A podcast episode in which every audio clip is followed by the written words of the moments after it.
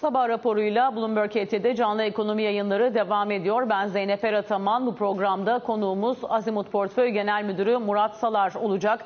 E, Murat hoş geldin yayınımıza. Öncelikle istersen e, borsadan biraz bahsedelim. E, 5000 puanın altına e, her sarkma eğilimi gösterdiğinde neredeyse yeni bir haber akışıyla karşılaştığımız borsa bu seviyenin üzerinde de bir miktar patinaj yaptı esasında. İşte 5350'lerin pek üzerine çıkma hevesi yok gibi oradan hep döndüğünü son e, süreçte takip ettik. Öncelikle istersen burayı bir konuşalım. Bir anda BES tarafında devlet katkısında hisse senedinin artırılması, diğer tarafta hisse geri alımları ile ilgili verilen teşvikler ve en sonunda tabii varlık barışı, e, varlık fonu düzeltelim e, ile ilgili haber akışları borsayı desteklemişti. Bundan sonrasında hala borsa TL yatırımcısı için alternatifsiz mi? Ee, şöyle bakmak lazım. Biraz daha geriden istersen bakalım Zeynep'ciğim. Ee, geçen yılın son çeyreğinde ciddi bir halle oldu borsa tarafında. Enflasyon, işte alternatifsizlik, yatırımcının çaresizliği diyeyim e, fiyatlarında uygun olması sebebiyle hatır sayılır bir hareket yaşandı. Özellikle Eylül'deki o Viyop'ta yaşanan travmadan sonra Ekim ayından itibaren ciddi bir halle yaşandı. Bir fiyatların hazmedilme ihtiyacı vardı zaten. Ee, senenin başında ilk başlangıcı aslında bu pay vadelilerdeki e, işlemlerin kısıtlanmasına dair e, piyasaya gelen bilgilerle oldu. E, bu bir bahaneydi ya da gerekçeydi diyeyim. E, realizasyonun gerekçesiydi. Realizasyon bununla başladı. Tabii o rally çok sayıda katılımcıyı da birlikte getirdi. Yani borsa yatırım sayısı çok arttı. Yeni katılanlar çok oldu. E, hareketin hızlı olması, tatmin etmesi yatırımcıyı ciddi de kredili pozisyonlara sevk etti. Düzeltme gelince tabii o kredili pozisyonların fazla olanlarında türbülans yaşanmaya başlandı. Bir kısmı o kredilerin kapatıldı. Ee, overall'larda yani hesaplarda ciddi bir erozyon da oldu. Özellikle kaldıraçlı hesaplarda. Likidite kaybı oldu.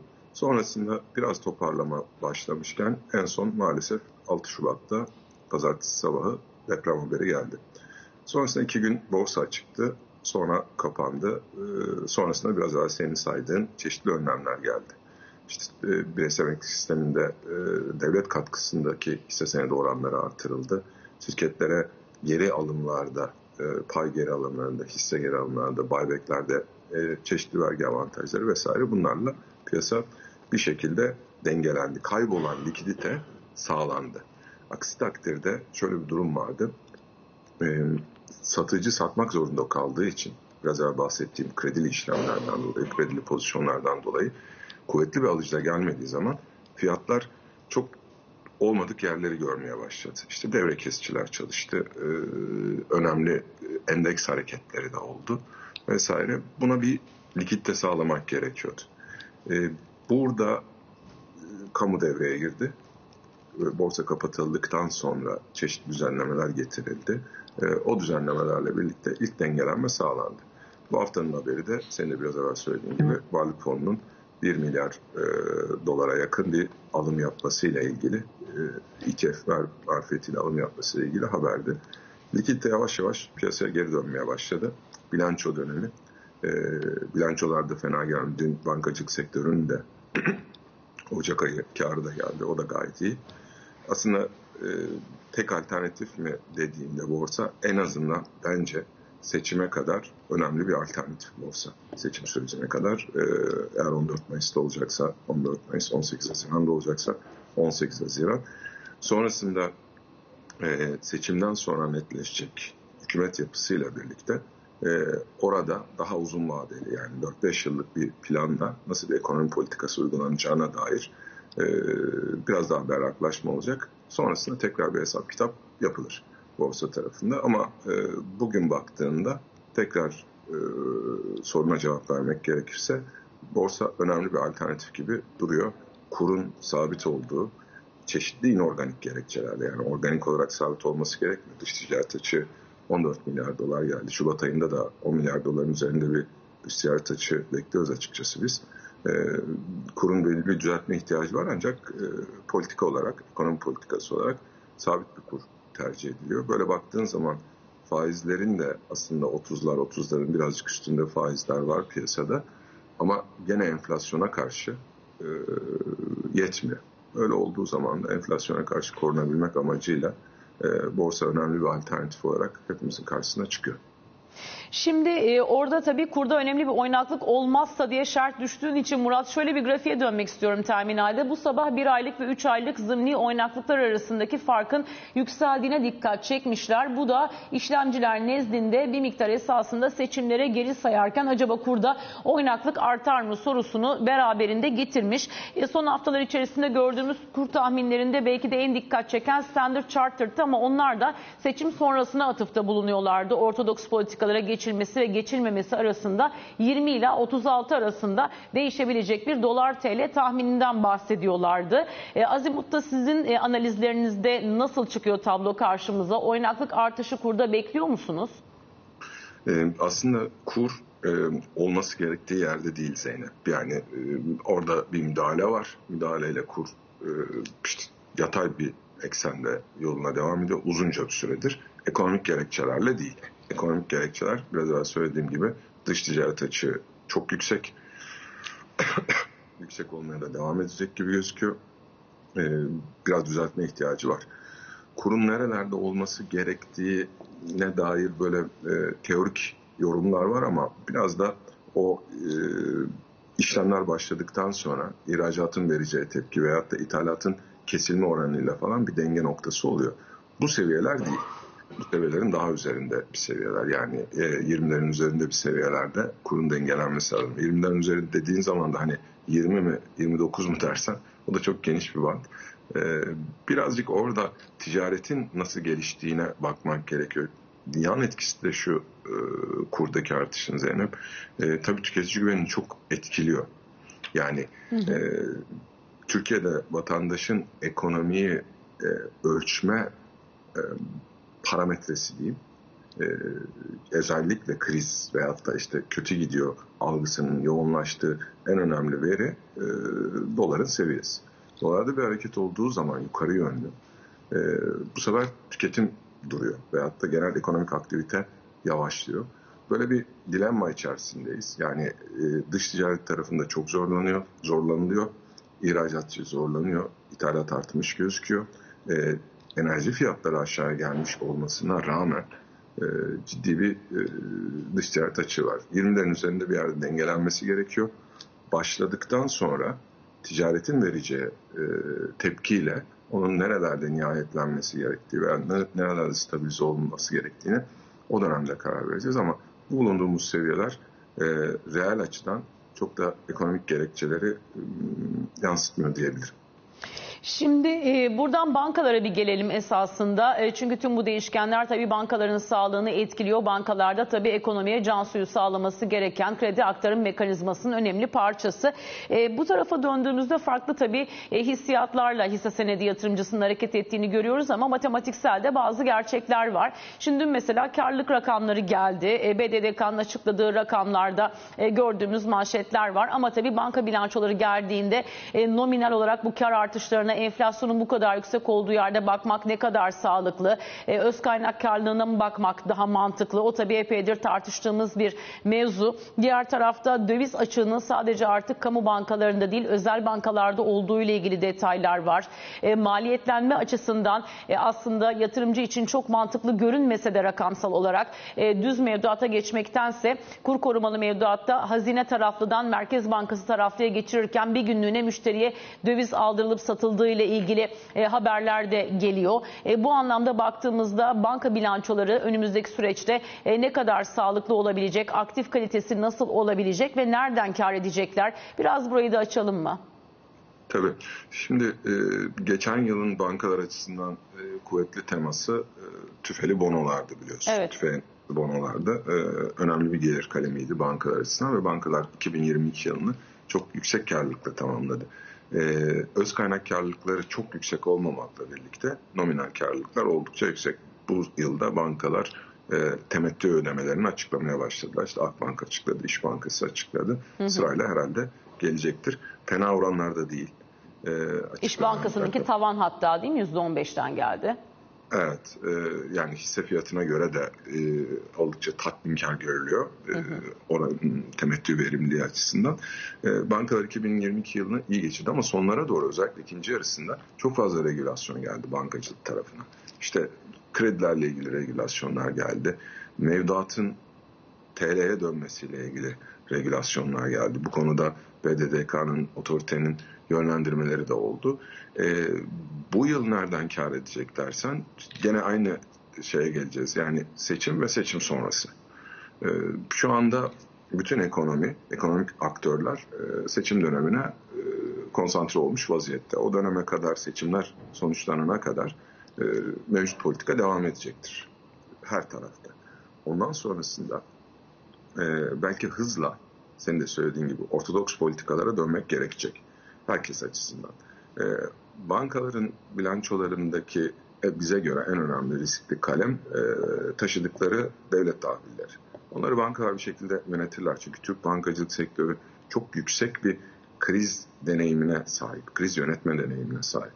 Hakikaten baktığın zaman özellikle 2001 krizinden sonra Türk bankacılığın yapısının genel anlamda çok iyi regüle edilmiş olması, çok dengeli e, bilançolara sahip olmaları diyeyim. E, bankacılık sektörünün 2008'den başla bugüne kadar getir işte 15 yıl içerisinde yaşadığı çok sayıda travmaya rağmen işte pandemisi, istifaları, görevden almaları, faiz artışları, faiz indirimleri, kurla ilgili e, politika değişiklikleri, bilançolarını nasıl yönetmelerine dair e, yönlendirmeler, düzenlemeler vesaire hepsine bankacılık, Türk bankacılık sektörü çok yüksek elastikiyet gösterebiliyor, uyum sağlayabiliyor.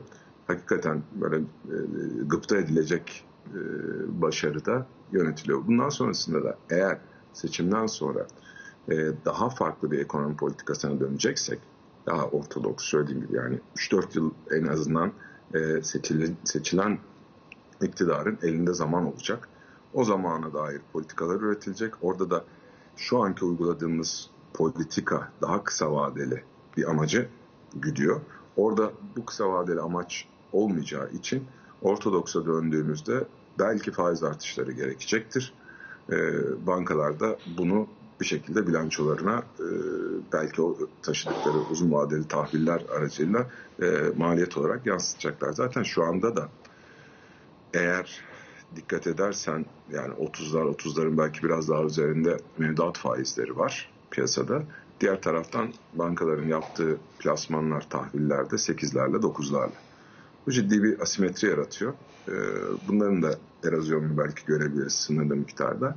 Ee, ekonomik aktivitenin normale dönük büyümenin tekrar normal kendi standartlarında organik olarak e, oluşmaya başladığında bankacılığın asıl misyonu kredi vermek. Şu anda biliyorsun uzunca bir süredir, gerçi yeni düzenleme geldi ama geçen hafta Cuma günü uzunca bir süredir konut kredisi yok piyasada. Hı hı. İşte, hı ihtiyaç kredileri, e, bireysel krediler, ticari kredilerde çeşitli bilançodaki kriterlere bakılarak krediler veriliyor. Kredi kanalları açıldıktan sonra yine Türk bankacılık sektörü o günkü piyasa koşullarına en hızlı e, uyum sağlayacak e, sektörlerden bir tanesi olacaktır.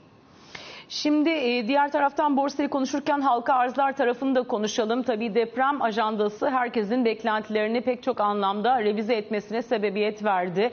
E, daha öncesinde talep toplaması e, ertelenen Göknur Gıdaç hatta iki defa ertelendi yanlış hatırlamıyorsam. Talep toplama süreci başladı 1-2-3 Mart şeklinde. E, tabii şirket özelinde bir soru sormayacağım ama genel anlamda halka arzlarla ilgili iştahı nasıl yorumlamak lazım? Şirketler bundan sonrasında tabii hisse geri alım programları açık açıklıyorlar. Kimilerininki aktif. O işi bir yandan izliyoruz. Diğer taraftan da borsaya yeni isimlerin gelmesi açısından e, ve bu şirketlere yatırımcının göstereceği teveccüh açısından bizi nasıl bir süreç bekler? Birazdan yansıtırız çünkü e, halka arz endeksine baktığımızda yılbaşından bu yana yine %300'ün üzerinde kazanımı olan şirketler var. Ee, şöyle Zeynep, şimdi orada yatırımcıya benim naçizane tavsiyem özellikle yeni gelen yatırımcılara naçizane hatırlatmam diyeyim tavsiye değil de şöyle bakmak gerekiyor. Bu şirketlerin halka arzını yapan e, o fiyatta razı olan diyeyim kişiler bu şirketlerin kurucuları, sermayedarları. Yani başından itibaren o şirketi alıp buraya getirmiş insanlar. E, onların verdikleri fiyatlar çok yanlış değildir. Hı hı. Dolayısıyla siz bir şirkete yatırımcı olup yani küçük yatırımcı olup e, majör yatırımcı değil de küçük yatırımcı olup yani çoğunluk hissedarı değil de e, küçük yatırımcı olup ana hissedardan onun değerini daha iyi bilme imkanınız yok. Bir şirket halka arz edildiyse ana hissedar tarafından sonrasında yüzde 300 prim yapıyorsa ya ana hissedarlar şirketlerinin değerlerini bilmiyor ve bu genele yayılmış bir bilmemek ya da e, bireysel yatırımcılar e, biraz fazlaca iştahlı davranıyorlar e, halka arzlar konusunda. Böyle bir temayül oluştu. Yani şu andaki popüler kültür bu. İşte halka arz olacak, tavan tavan yoluna devam edecek. Ama her şeyin sonunda, en sonunda bizim bakmamız gereken değerdir. Bu değerler gerçekçi değerler mi, hak edilen değerler mi diye. Ee, sadece halka arz yazıyor diye başında herhangi bir hisse senedinin, herhangi bir şirketin çok e, yüksek dozda prim yapması bana çok rasyonel gelmiyor. Hatta biraz irrasyonel geliyor. O yüzden dikkatli olmalarını tavsiye ederim. Mutlaka halka arz olan şirketler içerisinde çok kıymetlileri var. Çok değerlileri var. İleride e, çok büyüyecek olanları var. E, ama bu kadar kısa sürede bu kadar yüksek e, prim beklentisi de rasyonel olmaktan uzak söylediğim gibi ana sermayedarların o zaman e, satışını yaptıkları hisselerinin değerini bilmediği sonucuna varacağız ki bu da çok gerçekçi olmaz. Şimdi e, bir yandan tabii yatırımcımın gündeminde e, bunlar varken e, diğer taraftan da şöyle bir unsurla karşı karşıyayız. Şimdi tahviller cephesine geldiğimizde 10 yıllık örneğin Eurobond'un faizinin 10 yıllık TL tahvil faizinin altında kaldığı da bir tablo var. Biraz burayı da belki açmakta fayda var. Çünkü sadece TL değil aynı zamanda döviz yatırımcısını da belki konuşmuş oluruz bu fırsatta.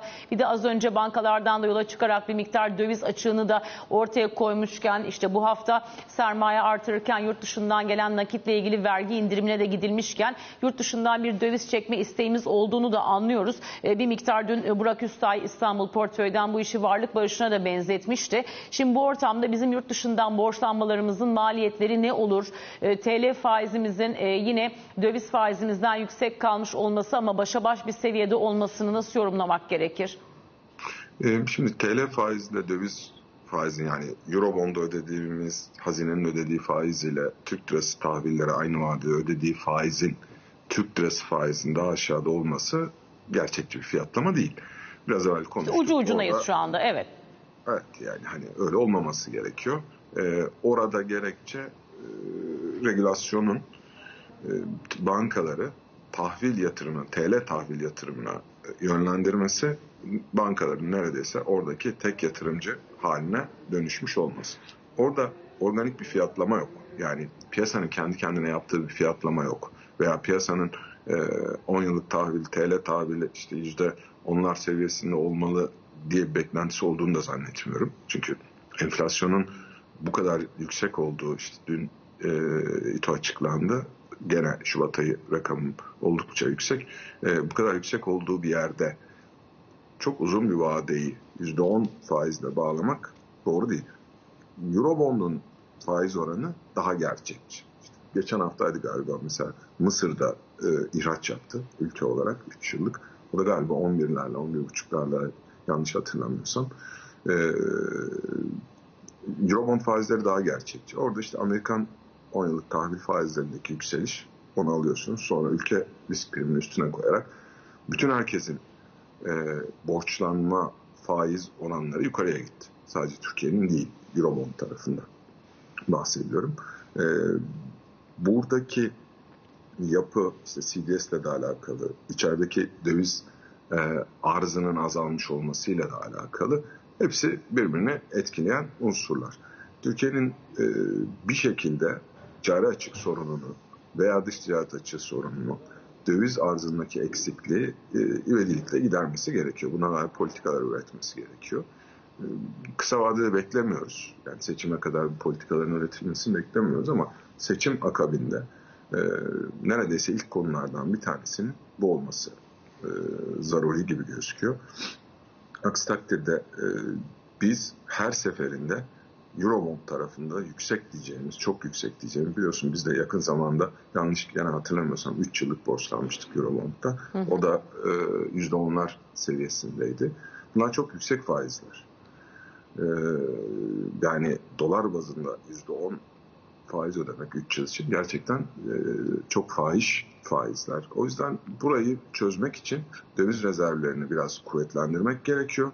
E, ticaretin sağlıklı işleyebilmesi için bir miktar ihracatçının zorlandığı seviyeleri yani işte maliyetlerin arttığı yerde, doğalgazın, işçiliğin arttığı yerde kur stabil kaldığında e, ihracatçının ihracat yapabilmesi için çok yaratıcı olması gerekiyor. Hı hı. Biraz fazla yaratıcı olması gerekiyor. İşte oraların bir e, revizyona ihtiyacı olacaktır. E, ama seçim sonrası ben inanıyorum ki kim göreve gelecekse e, ilk bakacağı işlerden bir tanesi ekonomik aktivite tarafında döviz rezervlerindeki e, eksiklik ve onu gidermenin yolları olacaktır. Ne olabilir o yollar onu da konuşalım. Çünkü terminale mesela döndüğümüzde kuru mevcut seviyelerde tutmak için 100 milyar doların üzerinde bir müdahale olduğunu e, hesaplıyoruz diyorlar. Bu tabii Bloomberg'in kendine ait bir hesaplama. Ama her şartta e, resmi rakamlara da bakıldığında swap hariç net rezervler eksi 44.8 milyar dolar geldi yanlış hatırlamıyorsam en son açıklanan e, veri setinde. Burası nasıl kuvvetlenecek o zaman? Şöyle Zeynep yani orada Türkiye'nin uluslararası kabul görecek bir ekonomik programa ihtiyacı var bence. E, orta ve uzun vadeli.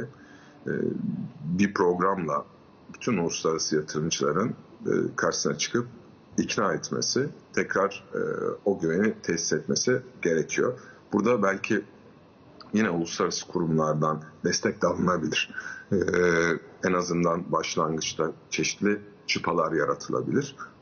Ama tek başına sadece kısa vadeli politikalarla biz bunu yapmaya kalktığımızda bugün geldiğimiz noktaya geliyoruz. Yani o gün bir sorun çıkıyor, kısa vadeli bir karar alıyoruz.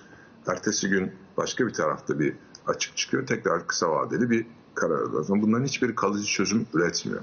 Kalıcı çözüm uluslararası tarafta öngörülebilir, kabul edilir bir orta ve uzun vadeli program, ekonomik program, çeşitli çıpalar, kontrol mekanizmaları yani kontrol mekanizması derken performans kontrolünden bahsediyorum e, bunlara uyacağına dair Türkiye'nin e, mesela bizim 2001'de uyguladığımız programda, IMF ile birlikte uyguladığımız programda %6,5 faiz fazla hedefi vardı. Bu bir çıpa. Hı hı. Ee, uluslararası taraf, yani bütün dünya e, ekonomik aktörleri buna bakarak başarı veya başarısızlığı teyit edebiliyordu. Bu somut bir çıpa. Bu olması gerekmiyor illa. Hı hı. Buna benzer veyahut da e, bu ve bunun gibi e, çeşitli çıpalarla performansımızı şeffaf biçimde gösterip buradaki bu e, oluşan dengesizliği ivedilikle e, gidereceğimizin taahhütünü veyahut da yaklaşımını göstermemiz gerekiyor. E, biraz daha söyledim yani e, dışarıdan yardım da gerekebilir Türkiye'ye. Destek gerekebilir yardım demeyeyim de e, uluslararası destek sadece kabul edilebilir bu programla değil. Belki başlangıçta o programın maddi olarak da desteklendiği e, diğer uluslararası yatırımcıları da cesaretlendirecektir. E, onun çalışmalarını yapmak lazım. Mutlaka Batı'ya da baktığınız zaman Batı'nın Türkiye'ye her halükarda ihtiyacı var. Türkiye e, tek başına yalnız bırakılacak veyahut da çok sorunlu ekonomik sorunlarla e, boğuşmak zorunda kalacak bir ülke değil. E, Batı açısından söylüyorum. E, Türkiye özellikle pandemide gösterdi ki Asya'nın üretim açığını kapatacak ülke. Ee, ve Türk özel sektörü son derece dinamik bir biçimde gene biraz daha bankalar için söylediğim gibi son derece elastik bir biçimde pandemi koşullarına uyum sağlayarak önemli bir performans gösterdi. O sebeple e, Türkiye'yi bir üretim üssü olarak kabul etmesi gerekiyor Batı'nın veya bu anlamda teşvik etmesi gerekiyor. Bizim şu anda belirli desteklere ihtiyacımız var. Ama desteklendiğimizde de e, bunun bütün dünya ekonomisi açısından pozitif yönleri görülecektir. Şimdi e, seçim ajandasıyla tabii hareket ediyor yatırımcı. Bu süreç içerisinde yine baktığımızda işte borsada dediğimiz gibi başta halka arz edilen şirketler ile ilgili işte %300'leri bulan e, primler var. Dolayısıyla buraya bir rağbet edildiğini görüyoruz. Diğer tarafta konut piyasasında işlerin kontrolden çıktığını düşünen bir e, yine e, basın e, haber akışıyla da karşı karşıya kaldık e, bu hafta içerisinde. E, az önce Eurobondlar tarafını da e, konuştuk. Burası da izleyicilerimizin çok sorduğu varlıklardan bir tanesi. E, kalan vaktimizde de biraz yurt dışını da esasında belki ele almak lazım. Çünkü bunların önemli bir kısmı tabii yurt dışındaki borçlanma maliyetlerini de elbette varsayımlara dahil etmeden pozisyon alınacak varlıklar değil. E, orada da e, Fed ile ilgili baktığımızda artık piyasa %5,5'lara kadar politika faizi gidebilir. Avrupa'ya baktığımızda %4'lere kadar gidebilir şeklinde e, varsayımlarda bulunmaya başladı. Bunun arkasına para koymaya başladı. Buna göre pozisyon almaya başladı. Yavaş yavaş piyasa ve merkez bankaları birbirine yakınsıyor diyebilir miyiz? Merkez bankaları esasında sözlü yönlendirme yurt dışında bir bedava kaskı olarak kullandılar. Belki bunun meyvesini görüyorlar ve belki o kadar ileri gitmeleri de sıkılaştırmada gerekmeyebilir mi? Neler düşünüyorsunuz Azimut'ta? Öncelikle Fed daha erken başladı biliyorsun Zeynep ve orada Evet. e, gösterdiği perspektiften ya da tuttuğu ışıktan e, yol haritasından çok uzaklaşacağını zannetmiyorum. Genellikle söylediğini yapıyor Fed. Çok olağanüstü bir gelişme olmadığı takdirde. Mesela pandemi olağanüstü bir gelişmeydi. O dönemde hatırlarsın faiz artırılıyordu ama bir anda e, sıfır faize çok hızlı bir biçimde, çok dinamik bir biçimde Fed dönebildi. Fed'in gösterdiği patikada bizim çıkarımımız şu, e, iki veya üç tane gerekirse üçüncüsü e, 25 bas puanlık faiz artışıyla bu iş bitecek gibi gözüküyor.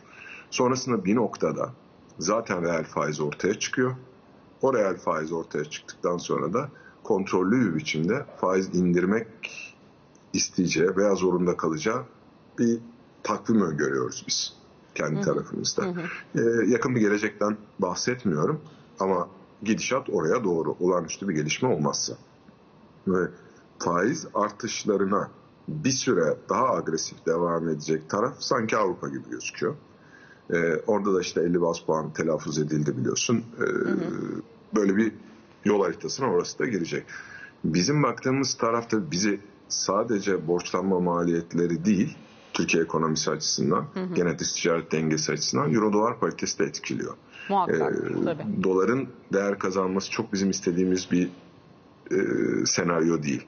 Biz daha çok eurocuyuz Türkiye olarak. Ee, Euro'nun değer kazandığı. İşte orada biliyorsun e, en son galiba birkaç hafta evvelki tarım dışı istihdamdan sonra parite 1.10'lardan işte 1.05'lere kadar geri geldi. Ee, eğer demin konuştuğumuz senaryoda Avrupa daha e, net, daha artık böyle kararlı bir biçimde faiz artırımlarına geçiyorsa, o sürece geçiyorsa bir miktar Euro'nun değer kazandığı, yani 1.05'lerin dip olduğu, yavaş yavaş tekrar e, doların değer kaybettiği, Euro'nun değer kazandığı bir döneme girersek e, doların değer kaybetmesi finansal piyasaları da çok destekleyen bir gelişme oluyor. Genellikle doların değer kazandığı zamanlarda finansal piyasalar zorlanıyor. Değer kaybettiği zamanlarda daha coşkulu hareketler oluyor. Bütün bunlarla birlikte bizim e, ticaretimizde ihracatımız euro ağırlıklı, ithalatımız özellikle enerji tarafında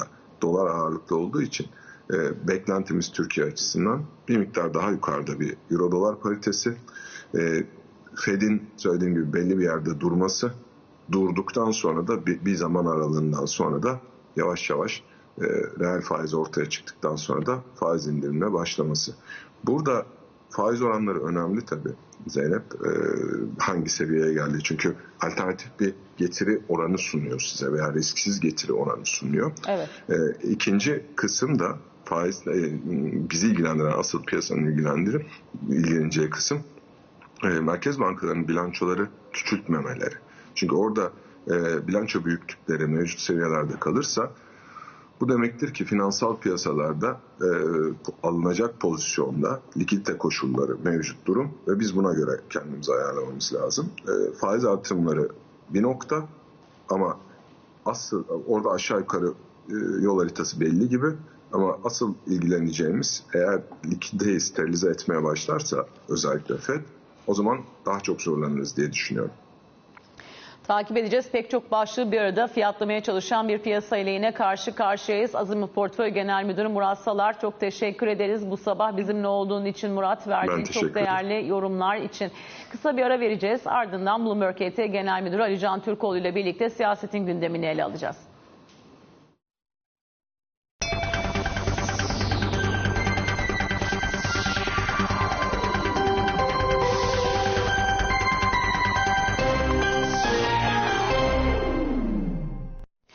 Siyaset ajandasına ilişkin başlıkları da ele almaya çalışacağız bu bölümde. Bloomberg ET Genel Müdürü Ali Can Türkoğlu bizimle. Ali Can hoş geldin, günaydın. Günaydın.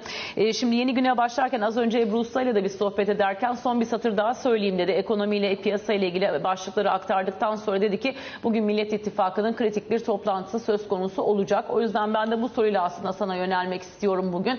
E, bugün Millet İttifakı'nın bir aday isim zikretmesi söz konusu olabilir mi? Vekil listelerinde netleşmeler bugün çıkabilir mi? Ee, soruna cevapla başlayayım. Aday ismini zikretmek gündeme gelmez. Aday konuşulur, konuşulacak. Hatta e, muhtemelen her siyasi partinin kendi kafasındaki isim kim ise onun üzerine e, masada görüşmeler ve e, fikir alışverişleri gerçekleşecek. Ama bittikten sonra aday açıklanacak mı? Hayır açıklanmayacak. Şimdi muhtemelen oradaki süreç şöyle işleyecek. Muhtemelen diyorum çünkü kesinleşmiş, alınmış bir karar yok. Ee, bir kere bugün işte geç, hafta sonu CHP bütün yetkiyi Sayın Kılıçdaroğlu'na verdi. Hafta başında İyi Parti bütün yetkiyi yani bu süreçte adayla ilgili belirleme sürecindeki partilerden alınan yetkiden bahsediyorum. Ee, İyi Parti Genel İdare Kurulu yetkiyi Sayın Akşener'e verdi. Zaten diğer siyasi partilerde e, genel başkanların yetkili olduğu söylenmişti. Dolayısıyla normalde e, depremden önce yapılacak toplantı bugün ertelendi. Bugün e, Altılı Masa'nın veya Millet İttifakı'nın ana gündemi adaylık. Ancak bu adaylık konusuyla ilgili olarak anlaşma sağlansa bile bugünkü toplantıda yani bizim ortak adayımız şudur diye bir anlaşma sağlansa bile e, resmen Yüksek Seçim Kurulu'ndan e, seçim tarihi açıklanana kadar isim e, zikredilmeyecek. Beklentim şu.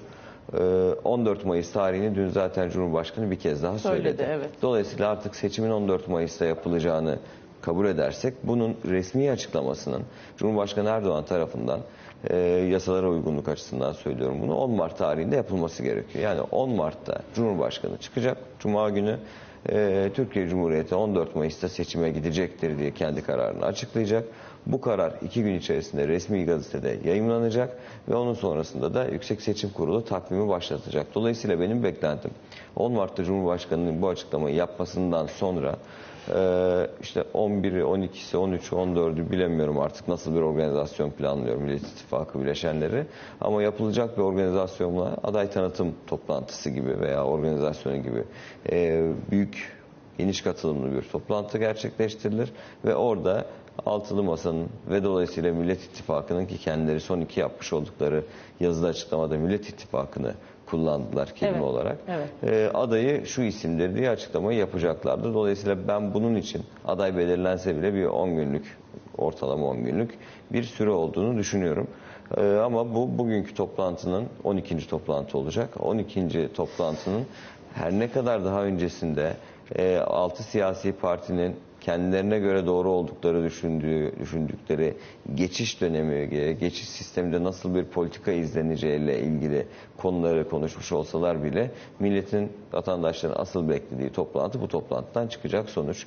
Çünkü artık e, seçimlerde son viraja girilmişken Millet İttifakı'nın adayının kim olduğu konusu en çok merak edilen, en çok sorulan soru haline gelmiş durumda.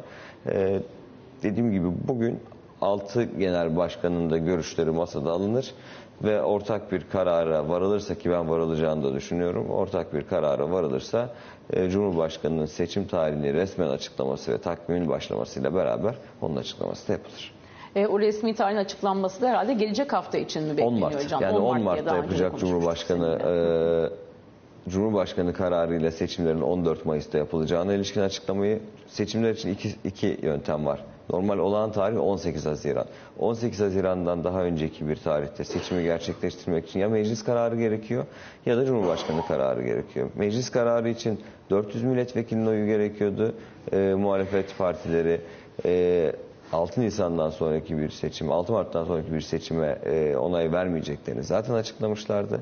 Dolayısıyla e, tamamen Cumhurbaşkanı'nın kararıyla olacak bir seçime dönmüştü iş. Bunun için de 14 Mayıs tarihi, farklı tarihler arasında 14 Mayıs tercih edilmişti. Daha öncesinde zikredildiği için söylüyorum. Dün de Evet. Cumhurbaşkanı söyledi. 14 Mayıs'ta seçim olması için açıklamanın da 10 Mart'ta yapılması gerekiyor. Dolayısıyla artık 10 Mart itibariyle biz resmen Türkiye'nin 14 Mayıs'ta seçime gidileceğini öğreneceğiz. Burada e, bazı soru işaretleri var. Bunlar da özellikle deprem bölgesinde nasıl oy kullanacağıyla, kullanılacağıyla ilgili e, sorular. Bununla ilgili de olarak da Yüksek Seçim Kurulu'nun e, bölgeye göndermiş olduğu bir heyet var. Üç gün boyunca burada e, temaslar ve araştırmalar, incelemeler gerçekleştirdiler. Şimdi dönüyorlar veya döndüler. Bir rapor hazırlayacaklar, Yüksek Seçim Kurulu'na sunacaklar. Muhtemelen seçim takvimi resmen belirlendikten sonra YSK'da hem o illerde hem o iller illerden göç alan illerde nasıl oy kullanılacağı ve vatandaşların oradaki oy kullanma sistemiyle ilgili olarak resmi açıklamayı yapacak ama son bilgi e, göç alan illerde de göç veren illerde de milletvekili sayılarının değişmeyeceği yönünde. E, buna ilişkin bir değişiklik yapılmayacak. Milletvekili e, listeleri ne zaman belli olur gibi şey sormuştun. Burada da e, takvime göre 21 Mart'a kadar e, Yüksek Seçim Kurulu adaylık başvurularını almaya başlıyor zaten 21 Mart'tan itibaren. 26 Mart'a kadar da siyasi partilere süre veriyor zaten. E, milletvekili kesin aday listelerinin tam olarak ortaya çıkması 10 Nisan olacak. Şimdi e, kalan bir dakikamız içerisinde de istersen EYT başlığını biraz açmaya çalışalım. Bloomberg bugün haberi daha çok seçim öncesi seçim vaatlerinden birinin yerine gelmesi. Dolayısıyla bir zafer niteliğinde yorumluyoruz demiş. Onu da bir dipnot olarak düşelim. Ee, hani zaten geçeceği belliydi meclise Evet. geldikten sonraki süreçte. Zaten oy birliğiyle çok hızlı bir şekilde geçti. Sadece buradaki sıkıntı şu şu an itibariyle onu tekrar söyleyeyim. Dün akşam yayında da söyledim ama halen başvurular yapılıyormuş. Şu anda EYT Türkiye Büyük Millet Meclisi'nden geçti ama henüz resmi gazetede yayınlanmadı. Resmi gazetede yayınlanmadan da yürürlüğe girmiş olmuyor. Dolayısıyla şu anda dün ve bugün özellikle SGK'ya yapılan başvurular aslında başvuru değil. Dolayısıyla Cumhurbaşkanı'nın onayı ve sonrasında resmi gazetede yayınlanmasıyla beraber resmen yürürlüğe girecek.